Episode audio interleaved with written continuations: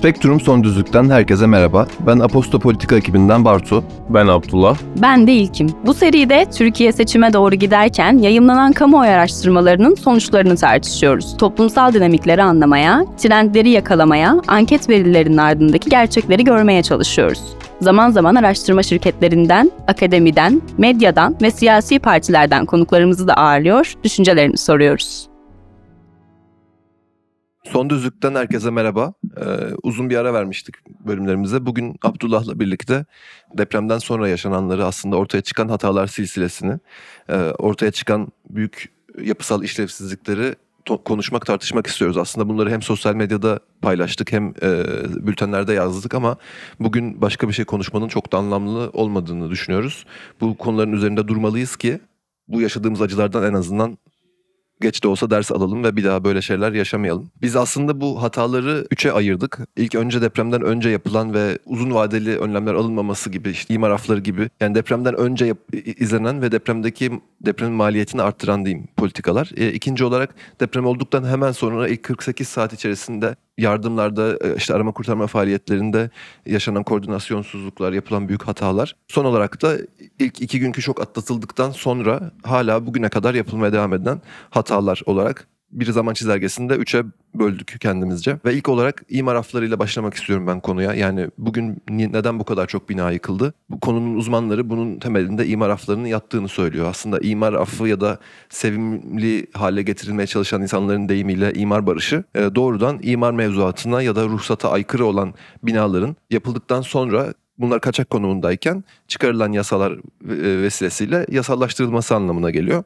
Yani imar aflarıyla Türkiye'de hükümetler kaçak binaların yapılmasını bir, bir noktada teşvik et- etmiş oluyor. Çünkü siz kaçak bir yapı inşa edebiliyorsunuz imar e, ruhsatı olmayan. Sonra da bunu seçimlerden hemen önce muhtemelen e, hükümetin gelip bunu bunu yasal bir e, statüye kavuşturacağını ve size bir tapu vereceğini aslında biliyorsunuz.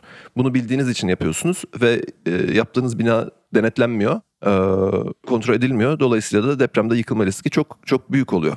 Bu konunun uzmanları dediğim insanlar mesela Türk Mühendis Mimar Odaları Birliği'nin İzmir İl Koordinasyon e, Kurulu İzmir'deki depremden sonra İzmir'de yaşanan yıkımın sebebinin imar afları olduğunu söyleyerek bunun durdurulması çağrısı yapıyor. E, İmar aflarıyla verilen ruhsatların iptal edilmesi çağrısı yapıyor. Ama biz hani 99 depreminden ders almadığımız gibi daha birkaç yıl önceki depremden de ders almıyoruz. Ve işte en son 2018 seçimden önce imar affı gündeme gelmişti. Yap- uygulanmıştı meclis kararıyla. Şimdi o imar affına evet oyu veren bir AK Parti milletvekili var. Eski AK Parti milletvekili Ahmet İğma'ya mesela kendi vicdanının rahat etmediğini ve imar affının anayasayla yasaklanması gerektiğini söyleyen bir şey bir, bunu söyledi. Ama bir yandan da hala mecliste şu anda komisyonda bulunan bir imar affı tasarısı var. Bu da Büyük Birlik Partisi Genel Başkanı tarafından sunulan ve işte yine ruhsatsız binaların ruhsatlı hale getirilmesini talep eden bir yasa var. Yani en azından bu bu yasanın geri geçmişe dönük şu anda her şey çok kaos halinde ve çok yık, yani yıkılmış binlerce bina var. Şey yıkılmış şehirler, ilçeler var. Dolayısıyla bu şehirlerin inşa edilmesi sürecinde belki imar aflarının geri alınması çok mümkün değil. E, ama en azından bina denetimlerinin artması gerekiyor ve en azından bir daha imar affı çıkmaması ve şu an kaçak konumda bulunan ruhsatsız olan binaların e, yasal statüye kavuşmaması gerekiyor ki biz bir daha yaşayacağımız depremde bu kadar büyük bir acı yaşamayalım diye düşünüyorum. Konunun bir diğer boyutu zaten yapı denetimleri. Orada da Abdullah sözü alıyor. Şimdi Çevre ve Şehircilik Bakanı yani bu en son iki gün önceki verilere göre 10 ilde yaklaşık 105.794 binanın yıkıldığını veya acil yıkılacak ağır hasarlı olduğunu açıkladı. Şimdi arama kurtarma faaliyetlerinin yetersizliği, milyonlarca insanın evsiz kalmasının temel sebebi bu aslında. Yani 100 binden fazla binanın yıkılmış ve ağır hasarlı kullanılamayacak durumda olması. Bu noktaya şimdi nasıl geldik? Biz senin anlattığın gibi imar barışlarıyla aslında depremde tuz buz olan binaların yasal statüye kavuşturulduğunu gördük ve bu tamamen bir seçim malzemesi Ya şu- olarak oy devşirmek araya için girip bir şey kullanıldı. söyleyeyim. Tabii. E, 2018 yılı verilerine göre Türkiye'deki binaların yaklaşık 13 milyonu yani yarısından daha fazlası imara aykırı şekilde inşa edilmiş. Bunu bilmek çok önemli diye Evet. düşünüyorum. Bu direkt bakanlık verisi. Şimdi mesela iktidar burada ilk günden beri aslında müteahhitleri, şantiye şeflerini veya bazı yapı denetçi firmalarının sahiplerini gözaltına alıyor ve tutukluyor. Aslında biz bu 40 binden fazla insanın hayatını kaybetmesini, milyonlarca insanın şu an evsiz kalmasını bir grup insana yüklemiş oluyoruz. Ama yapılan bir yapının, binanın denetimini yerine getirme, getirmesi gereken kurum da aslında kamu kurumları ve hükümettir. Peki hükümet ne yaptı? Yani 21 yıldır Türkiye yöneten AK Parti hükümeti yapı denetim konusunda ne yaptı? 99 depreminden sonra 2001 yılında 4708 sayılı yapı denetimi hakkında kanun yürürlüğe giriyor ve o dönemde 99 depreminden etkilenen bölgelerdeki e, yapıların denetlenmesi için kurullar oluşturuyor. Yani bu bir kamu görevi olarak addediliyor. Daha sonra 2011 yılında AK Parti hükümeti döneminde bu kanun 81 ili kapsayacak şekilde genişletiliyor ama yapı denetim mekanizması veya yapı denetim sorumluluğu kamu kurumlarının, bağımsız denetçilerin, bürokratların üzerinden alınarak özel şirketlere devrediliyor. Bu ne anlama geliyor? Yani inşaat şa- sahibi olan bir insan aynı zamanda kendisi veya bir yakını üzerine bir yapı denetim şirketi de kurabiliyor. Kendi yaptığı yaptığı binayı kendi denetliyor, kendisi ruhsat veriyor.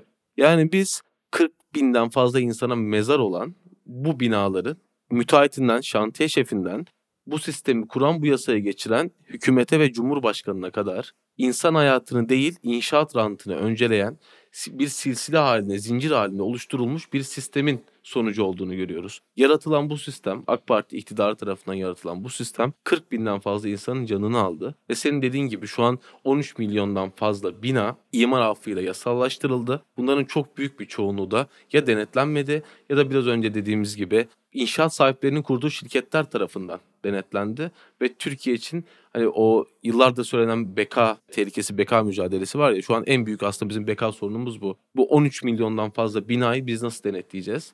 Nasıl insanların içinde güvenli bir şekilde oturabildiği bir yapı haline getireceğiz? Ya bir şey daha söyleyeyim. araya Tabii. girip bunu dün gördüm. Sanıyorum Ahmet Ercan paylaşmıştı. İstanbul'da bir takım devletin planları var depreme dair ve bu planlarda en çok yıkılması, ön, yıkılacağı öngörülen mahallelerdeki molozların, enkazların nereye kaldırılacağı, o, o aradaki mesafenin kaç kilometre olduğu, enkazların döküleceği yerin kaç kilometre olduğu gibi hesaplar yapılmış. Yani aslında binaların yıkılacağını biz biliyoruz ama o binaların içinde insanların yaşamasına e, izin ver, veriyoruz ve orada insanlar yaşamaya devam ediyor. Yani göz göre göre bekliyoruz. Evet. Şimdi bu yapı denetim konusunda inşaat sahibinden, şirket sahibinden, hükümet başkanlığına kadar, hükümete kadar herkesin sorumlu olduğunu söylüyoruz. Burada topu bir de medyaya atmamız gerekiyor. Şimdi bu yasa geçtiği zaman 2011 yılında Yeni Şafak e, yani aslında bir nevi iktidarın sözcüsü diyebiliriz bu gazete için. Şöyle bir manşet atıyor. Mimar ve mühendis vesayeti bitti. Çünkü bundan önce yapıların denetlenmesi bağımsız kar amacı gütmeyen mimar ve mühendis odaları tarafından TMMOB tarafından denetleniyor ve onlar ruhsat veriyordu. Ve bu da tabii ki inşaatların yapım sürecini, satış sürecini uzatan, bekleten eee, ve belirli teknik ölçümler yapılmadan bunlara ruhsat vermeyen bir yapı vardı. Yani biz insan hayatının inşaat rantına öncelendiği, insan hayatının daha değerli olduğu bir sistemde yaşıyorduk. Ama Türkiye'deki ekonomik büyümenin lokomotifi olan ve AK Parti hükümeti döneminde Türkiye'nin hem siyasetinde hem ekonomisinde en büyük güç sahibi olan bu inşaat lobisi tarafından bu teknik uzmanlığın insan hayatını önceleyen yaklaşımın bir kenara atıldığını ve ranta dayalı bir sistemin yaratıldığını görüyoruz. Ve bu da o zamanın gazeteleri tarafından bir vesayetin bitişi olarak tanımlanıyordu. Bir de burada şunu da eklemek istiyorum. Türkiye Mimarlar Mühendisler Odası e, eski yönetim kurulu başkanı Mehmet Soğancı yapılan bir çalıştayda bu yapı denetim sistemindeki değişikliği şu şekilde özetliyor. Kamusal açıdan bu idarenin denetimi ve sorumluluğu altında olması gereken bir sistemdir. Özel kişilere ve kurumlara devredilemez. Bu memurlar ve diğer kamu hizmetlileri tarafından yürütülmesi gereken bir süreçtir diyordu. Ve dediğim gibi biz bunu tamamen kamunun sorumluluğundan atıp özel şirketlere devrettik. Ee, şu an e, Cumhuriyet Gazetesi'nden Bora Erdin'in bir haberi var bu konuyla alakalı. Hatay'daki bazı binaların yıkılan binaları incelemiş. Yıkılan e, birçok binada hem binanın sahibi yani müteahhiti aynı zamanda yapı denetim şirketi de sahibi ve kendi binasını kendi denetlemiş ve biz bugün bu binaların yüzlerce binlerce insana mezar olduğunu görüyoruz. Bir de deprem vergisi boyutu var bu işin. Biliyorsunuzdur 1999'daki büyük depremden sonra Türkiye o depreme de belki bugünkü kadar değil ama yine hazırlıksız yakalanmıştı. Ve Türkiye'nin bir deprem ülkesi olduğunun bilinci ülkeye biraz yerleşmişti ve bu sebeple özel iletişim vergisi adında bir vergi getirilmişti bütün vatandaşlara. Ve bu vergi aslında e, ülkeyi depreme hazırlamak, kentsel dönüşüm projelerini e, yürütmek, ilk yardım çalışmalarını, arama kurtarma çalışmalarını geliştirmek için getirilmişti. Ve çeşitli iktisatçıların hesabına göre bugünkü enflasyon ve kur farkı göz önüne alındığında 1999'dan bugüne 685 milyar TL devlet tahsilat yaptı buradan. Ama bu vergiler bir şey eklemek istiyorum. Tabii. Bu vergi aslında AK Parti döneminde kalıcı hale getirildi. Evet. ya Bunu oranı oranı lazım. düşürülerek kalıcı hale getirildi. Evet. Aslında iki yıllık bir vergiydi. Ee, Daha sonra bu vergi oranı düşürüldü. Ama biz hala işte yeni telefon hattı satın alırken, telefon faturası öderken, yani iletişime dair faturalar öderken genelde o faturaların içerisinde devlete deprem vergisi olarak da bir ücret ödüyoruz. Ama bunun karşılığını alabiliyor muyuz? Bence alamıyoruz. Bunu zaten mesela e, hükümetten üst düzey isimler de açıklıyordu. Yani dedi, eski Maliye Bakanı Mehmet Tabii. Şimşek'e bu sorulduğu zaman bunun duble yolları hastanelere harcadık diyordu. Ki biz bu depre- depremde yapılan duble yolların parçalandığını, kullanılamaz hale geldiğini, hava yollarının keza Hatay Havalimanı'nın pistinin parçalandığını ve günlerce oraya yardım gitmediğini de biliyoruz. Hani deprem vergisi işte depreme sadece deprem odaklı kullanılmak zorunda değildir diye bir eleştiri var.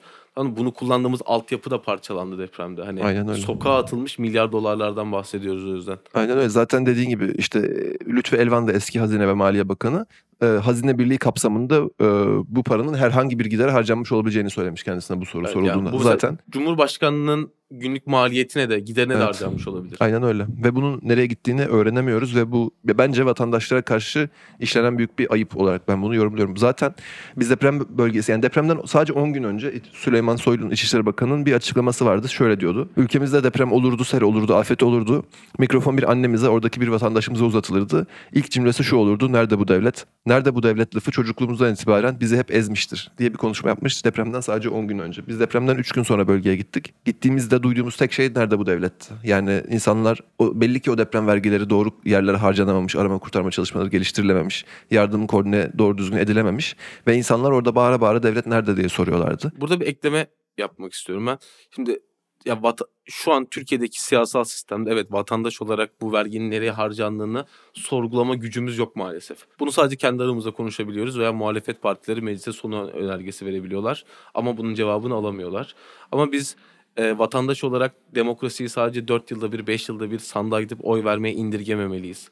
Zaten Cumhurbaşkanı Erdoğan da siyasete başladığı günden beri vurgulamak istediği şey hep bu oluyordu. Ne zaman bir toplumsal gösteri olsa, sokakta protestolar yapılsa demokrasi sokakta değil sandıkta yapılır diyor. Çünkü onların demokrasiden anlayışı sadece 4-5 yılda bir gidip düzenli oy vermek ve onun dışında tüm yetki iktidara devredip kalan zamanda hiçbir şeyi sorgulamamak. Ama biz bugün gelinen noktada aslında bu siyaset anlayışının devleti nasıl çökerttiğini, vatandaşı hükümet karşısında nasıl aciz güçsüz bir dur- duruma soktuğunu görüyoruz. Bundan sonra iktidar değişse de kalsa da bizim verdiğimiz paranın, verginin her bir kuruşunun nereye harcandığını, neden bize vaat edilen şeylerin yapılmadığını hem iktidardan hem muhalefetten sormalıyız. Yani bu demokrasi, devlet yönetimini, vatandaşlık tanımını sadece oy vermeye indirgememeliyiz. Yani meclisteki şöyle bir veri var elimizde. 2018'den bu yana meclise sunulan 75 tane deprem önergesi var.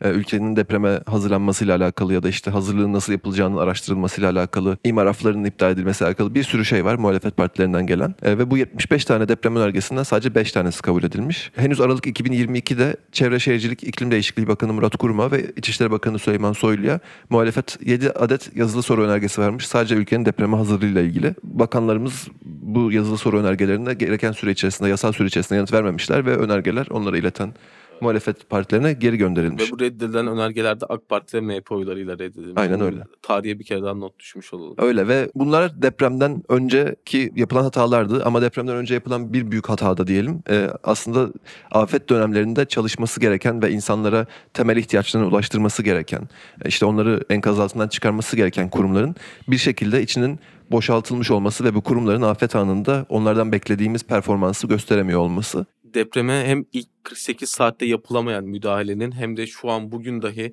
insanların çadır bulamamasının, yemek bulamamasının, temizlik ihtiyaçlarının karşılanamamasının iki önemli sebebi var. AFAD ve Kızılay gibi kurumların bir siyasi rant mekanizmasına dönüştürülerek en e, görevlerinin en küçük sorumluluğunu dahi yerine getirilemeyecek bir seviyeye getirilmiş olması. Şimdi AFAD'ın buradaki aslında en büyük eksikliği o ilk 48 saatte müdahale edilememesi olaya. Hatay'a yardım gitmemesi, Hatay arama kurtarma faaliyeti gitmemesi. Oradaki insanların bir başına bırakılması ve bunun Ya e, Hatay'daki durumu biz Cüneyt Özdemir'in YouTube yayını sayesinde Evet, öğrendik. Ya evet. orada oraya bir Antakyalı kadın bağlandı. Antakya artık yok yok diye yani bağırdı. yerle bir oldu. Antakya'nın o halde olduğunu bir YouTube yayınında öğrendik. Yani bilmiyorum devletin haberi var mıydı, nasıl yani bilmiyoruz. Evet, Aposto ve Referandum ekipleri e, bir AFAD dosyası hazırladılar. Bugüne kadar ver, yani yapı- hazırlanan tüm raporlar, soru önergeleri, kurumun yapısına dair derin bir araştırma yaparak buradan ben birkaç bulguyu aslında e, paylaşmak istiyorum. Şimdi AFAD'ın yetersizliğindeki asıl sorumlu kim? Önce buna cevap vermemiz gerekiyor. Şimdi 2009 yılında kurulan AFAD e, ilk kurulduğunda Başbakanlığa bağlı bir kurumken e, Cumhurbaşkanlığı hükümet sistemine geçildikten sonra İçişleri Bakanlığı'na bağlanıyor. Yani AFAD'dan hesap soracaksak önce İçişleri Bakanı'ndan hesap sormamız gerekiyor. Çünkü onun sorumluluğunda olan bir kurum. İkincisi AFAD Afetlere Müdahale Genel Müdürü görevini yerine getiren kişi İsmail Palakoğlu. Bu kişi İlahiyat Fakültesi mezunu ve daha önceki e, AFAD'dan önceki görevlerinde Türkiye Diyanet Vakfı Genel Müdürü ve Diyanet İşleri Başkanlığı Başkanlık Müşaviri görevleri yapmış. Şimdi bu kişinin Diyanet İşleri Başkanlığında veya herhangi bir üniversitede ilahiyat bölümünde herhangi bir görevde olması gerekirken afetlere müda- müdahaleyle görevli AFAD'ın başkanlığına getirilmesi bu kurumun nasıl bir siyasi rant mekanizmasına dönüştürüldüğünü bizlere gösteriyor aslında. Yani buradaki kişi ilahiyat mezunu değil herhangi bir ekonomi profesörü olsa da aynı yorum yapacaktık. Çünkü bu bir liyakat meselesi. Siz bu işe dair herhangi bir bilginiz, kariyeriniz var mı? Bu konuda daha önce bir çalışma yaptınız mı? Uzmanlığınız var mı? Sorusu. Aynı şeyi Kızılay için de görüyoruz aslında. Bu kurumlar iktidara yakın kişilerin, bürokraside olmayan kişilerin bir şekilde hükümetten maaş alabileceği, belirli pozisyonlara getirilebileceği rant mekanizmalarına dönüştürülmüş Haberleri yazarken durumda. gördüm Kızılay'da. Kızılay'ın şu anki üst düzey yöneticilerinin neredeyse tamamı daha önce ya AK Parti'nin çeşitli bünye- organlarında yöneticilik yapmış ya da AK Parti'nin çeşitli e, bölgelerden işte belediye başkanı aday adayı olmuş, belediye meclisi aday adayı olmuş ama mutlaka AK Parti ile kurumsal bir ilişki kurmuş. Evet mesela Kızılay Başkanı Kerem Kınık geçen bir televizyon programında şey dedi. İşte Kızılay'ı hareket kabiliyetini FETÖ bitirdi gibi bir cümlesi var. Ama biz zamanında Kerem Kınık'ın Fethullah Gülen'i öven tweetleri olduğunu da görüyoruz. Kendisinin o cemaatle, terör örgütüyle, o kişiyle belirli bağlantıları olduğunu görüyoruz. Ve bugün gelinen noktada suçun hala buna atıldığını görüyoruz. Bir Kızılay- diğer e, dikkat çekmek istediğim konuda AFAD'a daha önce hazırlanan deprem raporlarındaki eksiklerin asla yöneticiler tarafından dikkate alınmaması, bu eksiklerin giderilmeye çalışılmamasıyla al- alakalı. E şimdi il AFAD tarafından il afet risk azaltma İRAP raporları hazırlanıyor. Deprem bölgelerindeki durum nedir? Bir deprem olursa biz buna nasıl müdahale edebiliriz? Kapasitemiz yeterli mi diye. Ve depremden önce yani kısa bir e, süre önce Hatay, Kahramanmaraş, Osmaniye, Kilis gibi deprem bölgesiyle alakalı İRAP raporları hazırlanıyor. Ve bunlar da AFAD yönetimine ve İçişleri Bakanlığı'na sunulan belgede deniyor ki yeterli bütçemiz yok, yeterli personelimiz yok, altyapımız hazır değil, herhangi bir depremde yeterli düzeyde müdahale edemeyeceğiz gibi e, alt alta sıralanan sorunlar var. Bunların hepsini Aposto sitesindeki AFAD raporunda bulabilirsiniz ve biz bunların hiçbir bunları bu sorunların hiçbirine dair bir çözüm üretilmediğini, bunun gündeme getirilmediğini görüyoruz. Yani göz göre göre gelen bir afete karşı aslında elimizden hiçbir şey gelmezdi, gelmiyor diyen hükümetin yıllarca bunu göz ardı ettiğini görüyoruz. Ya Kızılay'la ilgili şunu eklemem gerekir. Yine Cumhuriyet'ten Bora Erdin'in haberi. Ee, Kız, Kızılay'ın Kahramanmaraş'taki ilk yardım eğitim merkezi 2 Ocak'ta kapatılmış. Ee, Osmaniye'de, Kilis'te, Gaziantep'te ve Adıyaman'da ilk yardım eğitim merkezi Kızılay'ın hiç yokmuş. Ee, bu arada biliyoruz ki bu bölge bir sürü bilim insanı tarafından şiddetli bir deprem ol- olabileceğine dair e, uyarılan bir bölge. Yani Kızılay burada ilk yardım eğitimi yapmıyor bu bölgede. Ayrıca 2021 yılında sadece Kızılay'ın 7 milyar 935 milyon lira geliri olduğunu biliyoruz. Daha sonraki yıllarla ilgili bir bilgimiz yok şu anda. Ama şimdi bu senin şeyde 2014 yılında uygulamaya konulan afet e, müdahale planı çerçevesinde Kızılay'ın aslında iki tane temel görevi var afetler için. Birincisi afetzedelere yemek ulaştırmak. Burada Gıda Mühendisleri Odası'nın bir e, bir çalışması var. Gıda Mühendisleri Odası'nın raporu deprem bölgesinde Kızılay'ın bazı deprem bölgelerinde sıcak yemek ulaştırmasının 4 gün sürdüğünü söylüyor. Üstelik 4 gün süren bu çabanın sonucunda ulaştırılan yemeğin bir kısmının da tarihi son kullanma tarihi geçmiş yemekler olduğu görülüyor. Yani burada Kızılay aslında tek ana görevi yemek ulaştırmak. Onu tam anlamıyla yerine getiremiyor. İkinci görevi de AFAD'a destek olmak üzere afet dönemlerinde çadır stoklamak. Ama biz bugün depremin üzerinden artık kaç gün geçti? 16 gün geçti. Ee, hala şu anda Hatay'ın Defne ilçesinde Samandağ'da orada burada hala çadır bulamadığı için yıkılmak üzere olan evine girmek zorunda kalan insanlar görüyoruz. Ve 6.4'lük depremde bu yüzden hayatını kaybeden kişiler. Aynen öyle. Aynen öyle. Özellikle köylerinde, Hatay'ın köylerinde, başka Kahramanmaraş'ın köylerinde hala Twitter'da ben görüyorum fotoğraflar paylaşıyor depremzedeler. İşte şehir merkezi tehlikeli diye köye gitmişler ama ellerinde bir çadır yok. İşte çadır muhtara veriliyormuş, muhtar onu stokluyormuş, o ona veriyormuş, bu buna veriyormuş ama yani güya ortada çadır var ama insanların ellerinde çadır yok ve bu da aslında o çadırı stoklamak da Kızılay'ın göreviydi.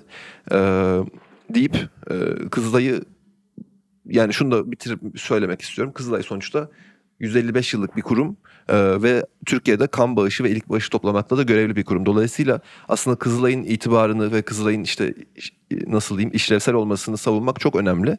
Ama maalesef bu şartlar altında başka bir çaremiz kalmıyor bunları anlatmaktan başka. Ama şunu da söyle, söyleyelim insanların hala Kızılay'a gidip öz- özellikle afet dönemlerinde ama her zaman kan bağışı yapması ve ilik bağışı yapması da birbirimizin canını kurtarmak için çok önemli ve hatta tek yol diye düşünüyorum. Şimdi bir de yani yine ilk 48 saatte afet bölgesinde yeterli müdahale yapılamamasının e, temel nedenlerinden biri de Türk Silahlı Kuvvetlerine bağlı birliklerin askerin deprem bölgesine mo- mobilize edilmemesi. Ya için. ondan önce Abdullah bence Hı. şu var. Yani bunu Meral Akşener anlatmıştı ve başka liderler de anlattı. Yani afet oluyor.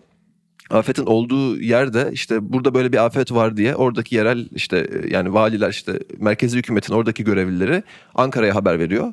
Ankara Cumhurbaşkanlığı Sarayı'na haber veriyor. Cumhurbaşkanlığı Sarayı talimat veriyor. Ankara'dakiler, Ankara'dakiler onu oradaki yöneticilere aktarıyor vesaire ve burada 3 gün geçiyor diyor. Yani e, güya biz bu sistemi Cumhurbaşkanlığı hükümet sistemine geçerken bize bunun bürokratik karar alma süreçlerini kısaltacağı vaat edilmişti. İşte devletin e, çok daha hızlı karar alabileceği, çok daha nasıl diyeyim? Yani bu her zaman ideal olmasa da en azından böyle dönemlerde çünkü yani normal şartlarda zaten hızdan e, ne kadar hızlı olursa bürokratik süreçler demokrasi biraz da aşınmış olur ama böyle kriz anlarında hızlı olmak çok önemlidir. Ama biz güya çok hızlı olacağımız sisteme geçiyoruz ve 3 gün içerisinde ancak geliyor bize oradaki arama kurtarma çalışmalarının koordine edilmesine dair talimat afet bölgesine 3 günde gidiyor. Yani bu, bu bilmiyorum bunu nasıl sindiririz? Yani bu şöyle zaten hani bence sistemin mantığına aykırı bir vaatti zaten bu. Tek elden yönetilen bir sistem nasıl daha e, yerel yönetimlere, yerel bürokrasilere e, daha fazla yetki tanınan bir sistemden nasıl daha hızlı karar Yani bu sistem devletin memurlarının hangi kademede olurlarsa olsunlar Ankara'dan talimat almadan kendi başlarına inisiyatif almasının önüne geçiyor. Çünkü uyguladıkları politikanın yanlış olması halinde bir kişinin vereceği kararla her şeylerini kaybedeceklerini düşünüyor devlet memurları. Dolayısıyla inisiyatif almak sıfır, sorumluluk almak sıfır. Her şey için talimat bekleniyor. Bu talimat da kriz anlarında gecikiyor, çok geç geliyor. Bu da yani parası marası önemli değil, insan canına mal oluyor. Şimdi burada şunu da sorgulamamız gerekiyor. Bu Cumhurbaşkanlığı hükümet sisteminde geçilirken veya geçildikten sonra her şey benden sorulan diyen Cumhurbaşkanı Erdoğan değil miydi? Bu ülkeyi ben yönetiyorum diyen Cumhurbaşkanı Erdoğan değil miydi? Bu ülkedeki tüm kurumlar Cumhurbaşkanlığına bağlı değil mi? Ve her konuda Cumhurbaşkanı'nın yetkisi izni olmadan harekete geçilemeyen bir sistemi yaratan da kendisi ve AK Parti hükümeti değil mi? Böyle bir durumda vatandaş kimden hesap soracak? Yani vatandaş yöneticiden zaten hesap sormakla görevlidir. Böyle bir yetkisi vardır. Hani zaten devlet dediğimiz kurum da budur. Vatandaş devlete vekalet verir veya hükümete vatandaş vekalet verir bu ülkeyi yönetebilmesi için. Ve bu sorumluluğunu yerine getiremediği zaman da hesap sorar, sormalıdır. Etkin, işleyen demokratik bir sistemin zaten temel yapı taşıdır bu. Şimdi bugün sahada yaşanan tüm eksikliklere, aksaklıklara, şu an çadır bulamayan, giyecek, yiyecek bulamayan insanların feryatlarını bir şekilde kamuoyunda seslendirip bu konuda yetkililerin bir şey yapmasını isteyen ve yapmayan yapamayan yetkililerden hesap soran vatandaşları tehdit etmek, provokatör olarak suçlamak veya terörist olarak suçlamak nasıl bir siyasal sistemin sonucu buna bakmamız gerekiyor. Yani tüm kararların bir kişi tarafından alındığı, tüm bürokratların bir kişi tarafından atandığı bir sistemde biz hesabı kimden soracağız? Yani şu an gidip o ilin valisinden hesap sormanın hiçbir anlamı olmadığını düşünüyorum ben. Bu valinin sorumluluğu yoktur demek değil asla. Valiyi oraya atayan ve valiye ve oradaki herhangi bir kamu görevlisini inisiyatif alma yetkisini elinden alan kişidir aslında bu olayın Yani bu sorumlusu. sen aslında bahsettin ordunun mobilize edilmemesinden. Yani Evet. 1999 depreminde deprem olduğu anda 35 bin asker sahaya çıkıp insanların arama kurtarma faaliyetine destek vermesi, işte oradaki yardımların koordinasyonunu sağlaması, insanlara bir takım şey. O zaman da devlet çok eleştirilmiş. Ama o zaman e, hem askerler sahada birçok şeyin yürümesini sağlamışlar hem de o dönem devletin yöneticileri izledik bütün konuşmaları yani Bülent Ecevit'in de konuşmasını izledik, Mesut Yılmaz'ın da konuşmasını izledik. Yani o dönemin yöneticileri şeffaf bir şekilde en azından devletin işlevsiz kaldığını, hangi noktada işlevsiz kaldığını, hangi noktada desteğe ihtiyaç olduğunu çok daha şeffaf bir şekilde kamuoyuyla paylaşmışlar ama bizim bugün hem inisiyatif alabilen yöneticilerimiz yok e, hem de hesap veren bir hükümetimiz yok. Yani ortada çok büyük bir insani kriz boyutunda bir kriz varken bunun sorumluluğunu üstlenmeyip sanki bütün kriz çok başarılı bir şekilde yönetiliyormuş gibi bir iletişim dili benimsenmesi. Üstelik de hükümetin hükümeti eleştirenlerin ya da sahadaki aksaklıkları vurgulayanların işte hainlikle, kara propaganda yapmakla suçlandığı, yeri geldiğinde tehdit edildiği, işte biz sizi not ediyoruz deftere, yarın bir gün bu defteri açarız dendiği, işte insanların enkaz altından mesaj yazdığı, işte depremzedelerin birbiriyle haberleştiği, ihtiyaçların koordine edildiği anlarda depremin 3. gününde ve en kritik gününde ya da en kritik günlerinden birinde Twitter erişimin birkaç saatliğine kapatılması. Yani bunlar bilmiyorum ben kabul etmekte zorlanıyorum. Ya de mesela ordu niye mobilize edilmedi aslında bunda e, konuşmak gerekiyor. Milli Savunma Bakanı Hulusi Akar ısrarla ordunun sahada olduğunu ve depremin ilk günlerinde 3500 askerin sahada olduğunu söylüyordu. Şimdi 3500 asker arama kurtarma çalışmalarına yardım etmek için mi sahada, güvenliği sağlamak için mi sahada yoksa işte yardım faaliyetlerini koordine etmek için Ya mi şu sahada? bile Abdullah ben Hani- yani gördüğümü anlatayım. Biz gittik Hat- Hatay'a vardığımızda insanların bahsettiği şeylerin baş, en baş sıralarında yağma geliyordu. Güvenlik problemleri geliyordu. İnsanlar sokakta kalmışlar ama sokakta uyumaya korktuklarını söylüyorlardı. Yani orada artık hani şey fa- farklıydı. Sevdikleri enkazın altında en büyük dertleri o. Yemek ve su onlara ulaştırılamamış, çadır ulaştırılamamış. O o an umurlarında değil. Onun için kızgınlar ama önce diyorlar ki bizim canımızı koruyun. Yani önce sevdiklerimizi enkazdan kurtarın, sonra bizim canımızı koruyun, sonra bize yemek ve su verin. Yani bu derecede bir güvenlik endişesi vardı ve sahada asker sayısı daha sonra arttırıldı. Yani insanlar günlerce bu doğrudan depremzedelerin anlattığı yağmacılarla muhatap edildi. Ceplerinden telefonları çalındı, girilemeyen evlerine girildi, eşyaları çalındı ve her şeyini kaybetmiş insanlar artık geri kalan son şeylerini de kaybettiler ve daha sonra asker geldi. Yani bilmiyorum bu insanlara devletimiz kendini nasıl affettirecek? Yani benim orada gördüklerim karşısında çok zor olduğunu düşünüyorum bunun. Yani bu insanların yaşadıklarını kolay kolay sindirebileceğini, affedebileceğini düşünmüyorum açıkçası. Yani affedilmesi de gerekmiyor zaten. Hatta affedilmemeli ki devlet bir daha böyle bir acziyete düşmesin. Bu ülkenin insanları, vatandaşları bir daha bu kadar canlarından, mallarından, sevdiklerinden olmasınlar. Ve şu anda olduğu gibi bu kadar kötü koşullar altında evsiz veya yiyeceğe ulaşamadıkları bir hayatta kalma mücadelesi vermesinler. Zaten devlet dediğimiz kurum bunun için var. Ee, kötü günde vatandaşlarını koruyup kollamak, e, iyi günde de vatandaşlarına hizmet etmek ve karşılığında vatandaşlarından e, vergi alıp yönetme yetkisi alabilmek için var. E, eğer biz böyle bir durumda hükümeti ve hükümetin işlevsizleştirdiği, e, tamamen gücünü yok ettiği devleti eleştiremiyorsak biz niye vatandaşız o zaman? Ya burada sen bitirelim yavaş yavaş ama ulaşım altyapısının çökmesinden bahsettin. Evet. Yapılan havaalanlarının, yolların çökmesinden. Bir de benim bölgede gözlem yani yaşadığımız problem şuydu iletişim altyapısı. Yani biz oraya gittik üçüncü günde.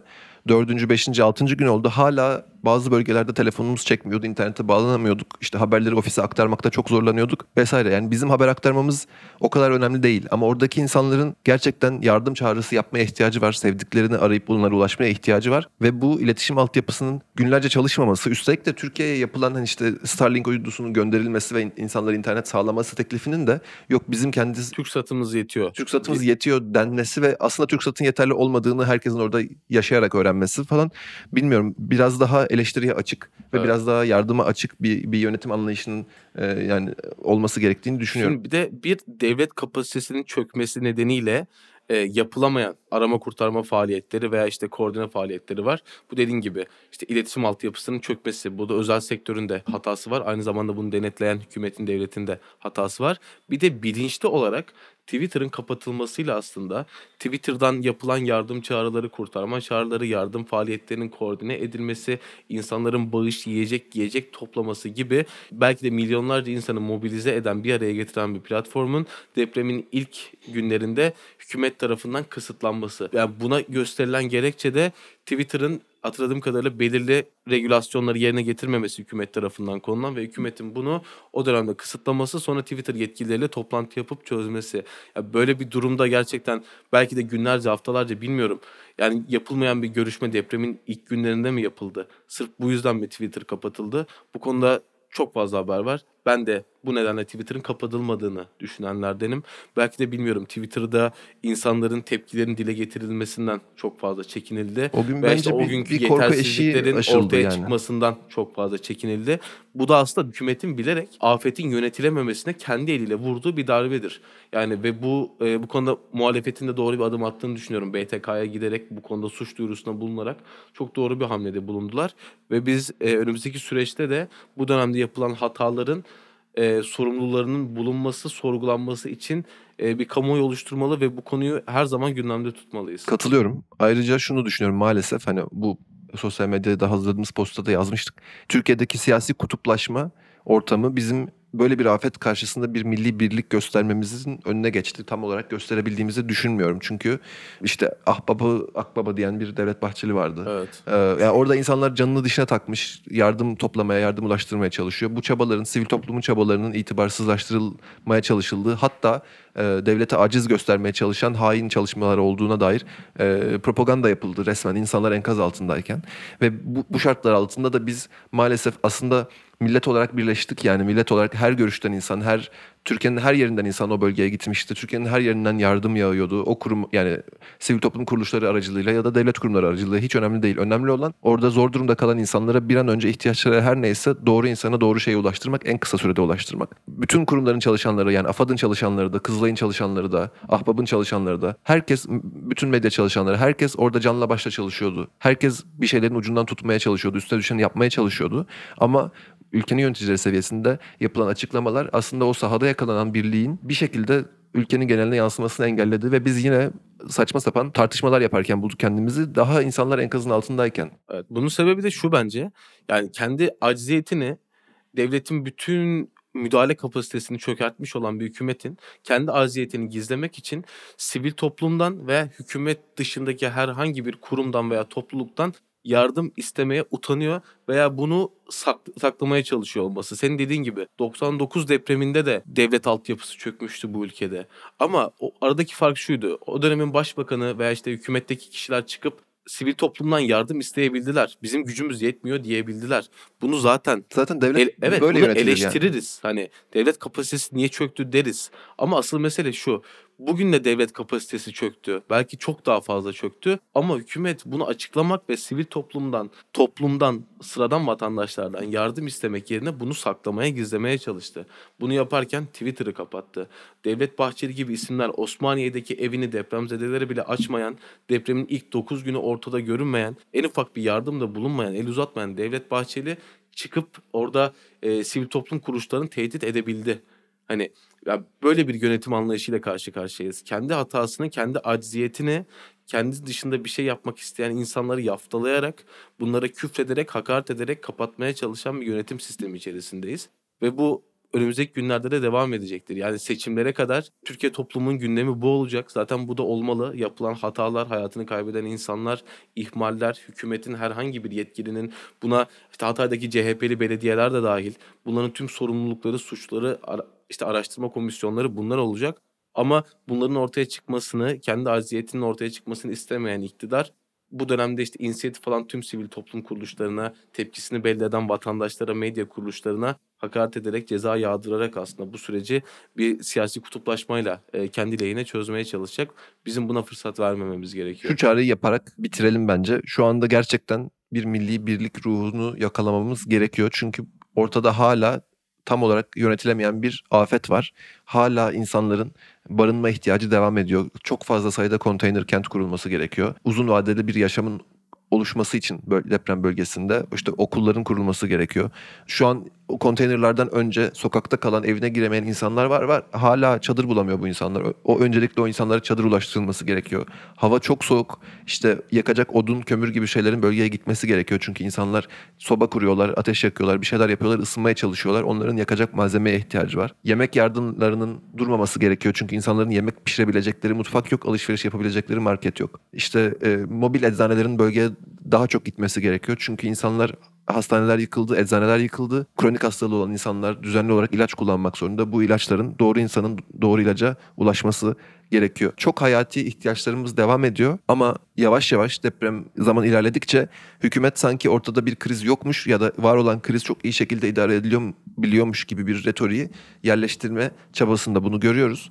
Ee, ama sahadan sahada gidip gördüğümüz zaman da hani gidip gördükten sonra üstünden zaman geçti. Şu an bölgeden aldığımız haberler de aslında durumun böyle olmadığını tam olarak gösteriyor. Tabii ki şu anda depremin ilk günlerine göre birçok şey çok daha fazla kontrol altında.